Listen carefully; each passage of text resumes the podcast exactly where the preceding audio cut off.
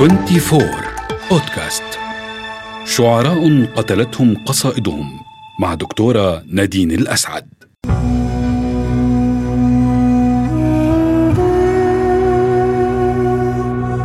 مرحبا بكم أيها الأصدقاء. أنا دكتور نادين الأسعد وفي هذه الحلقة سنتحدث عن شاعر بليغ مدهش قتلته إحدى قصائده.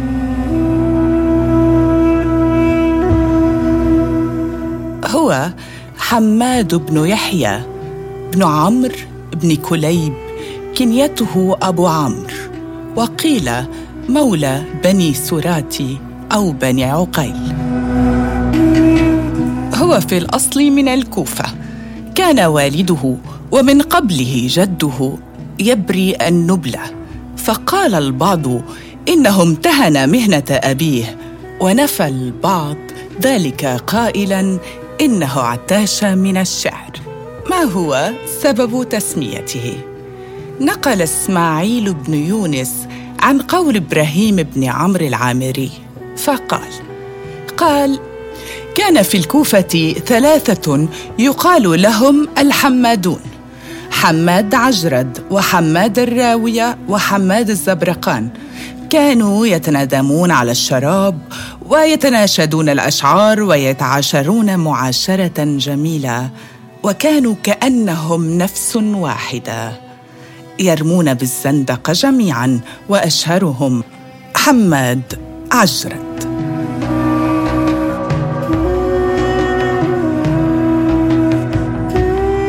إن حمادا لقب بعجرد لأن اعرابيا مر به في يوم شديد البرد. وهو عريان يلعب مع الصبيان فقال له تعجردت يا غلام؟ فسمي عجردا والعجرده في اللغة هي التعري اذا هو شاعر مخضرم عايش الدولتين الأموية والعباسية وكانت أشعاره متينة وبليغة. نادم الخليفة الأموي الوليد بن يزيد.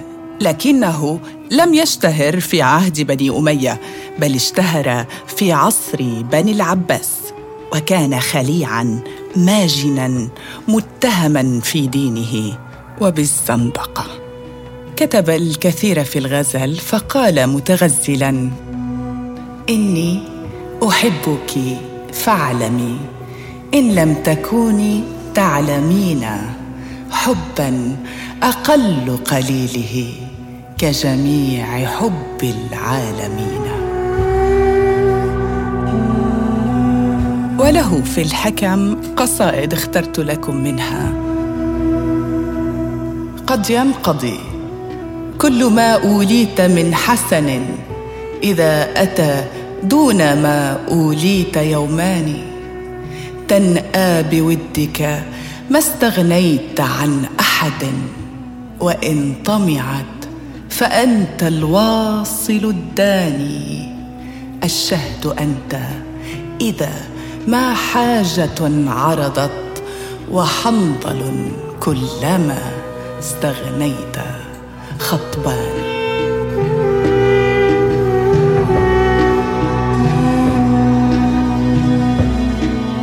قدم الشاعر حماد عجرد إلى بغداد في أيام المهدي.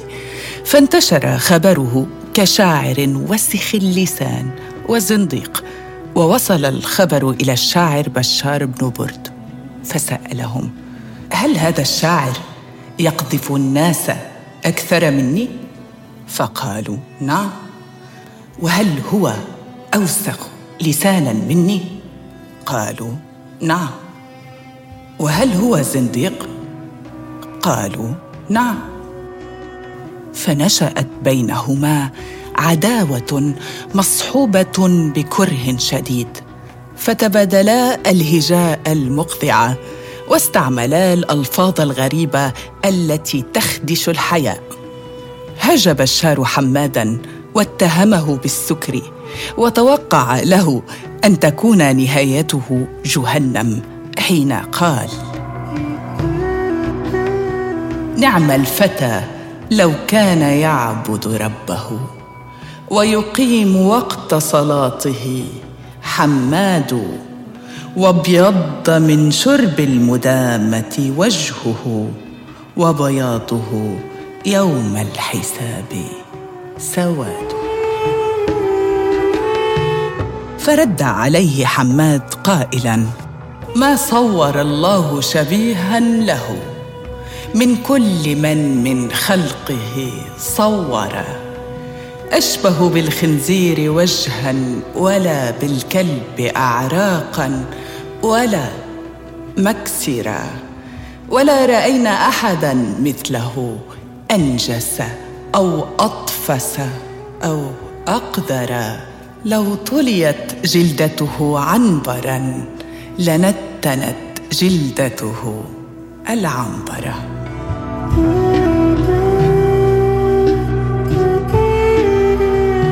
ويروى أن هذا الهجاء قد أبكى بشارا وفعل به ما لم يفعله هجاء آخر. وعندما سئل عن سبب بكائه أجاب يراني فيصفني وأنا لا أراه فأصفه. وكان الخليفة أبو جعفر المنصور يكره والي البصرة محمد بن أبي العباس بسبب الغيرة لأن والي البصرة كان محبوبا من أهلها فأراد لهم أن يكرهوه. فطلب من رجاله أن يجمعوا له كل الزنادقة والفاسقين ويرسلوهم إلى محمد بن العباس كي يتأثر بهم فيكرههم الناس. ذهب أحد رجال المنصور إلى السجن فسأل الحارسه هل عندكم زنادقة في هذا السجن؟ فقال نعم. هنا حماد عجرد وأصحابه وفتح له باب السجن ليراهم بنفسه فإذا بهم يقرؤون كتابا ويصلون ففوجئ بهم الرجل لكن المفاجأة زالت عندما أخبره حماد بأن ما يقرؤونه هو بيتان من الشعر كتبهما حماد بنفسه بديلا عن الصلاة فتأكد أن فيهم مبتغاه. عندها أرسلهم المنصور إلى محمد بن أبي العباس وعندما التقى حماد بابن الوالي كان الولد يريد أن يتزوج بزينب ابنة عمه أبي سليمان لكنها لم توافق على ذلك.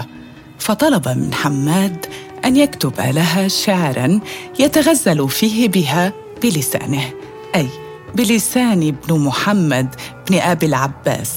فكتب حماد زينب ما لي عنك من صبري وليس لي منك سوى الحجر.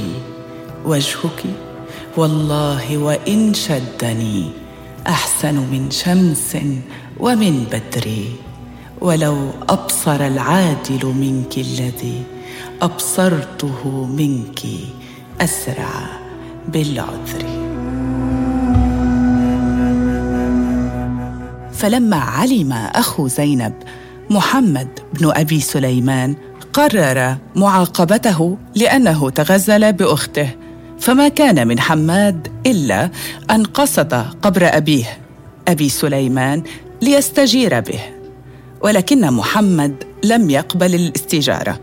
فما كان من أبي جعفر المنصور إلا أن أجاره. فاطمأن حماد وقرر أن يهجو القبر الذي لم يجره. فكتب قائلا كنت عند استجارتي بأبي أيوب أبغي ضلالا وخسارة. لم يجرني ولم أجد فيه حظا. أضرم الله ذاك القبر. نارا عندها قرر محمد بن أبي سليمان قتل حماد ودفع لأحدهم مائه ألف دينار كي يقتله ففعل غارزا في بطنه خنجرا. هكذا كانت آخرة هذا الشاعر الزنديق الذي أبكى بهجائه الشعراء وأدهش شعره من سمعه. اجتمعت فيه معظم الأسباب التي حكمت عليه بالقتل فقتلته قصيدة هجاء قبر في النهاية لكنها كانت معطوفة على ألف سبب وسبب منذ البداية. وبعد فترة قتل الخليفة المهدي بشار بن برد. فدفن قرب قبر حماد. وعندما مر بقرب القبرين أبو هاشم قال قد تبع الأعمى قف عجرد فاصبحا جارين في داري. فقالت بقاع الأرض لا مرحبا بقرب حماد وبشار. تجاورا بعد تنائيهما. ما أبغض الجار إلى جاري وأصبحا في يدي مالك في النار والكافر في النار.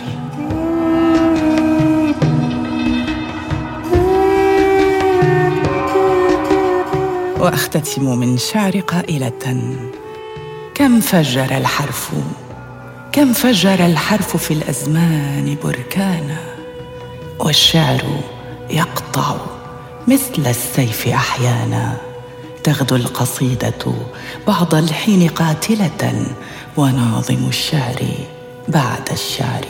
ما كان وناظم الشعر بعد الشعر.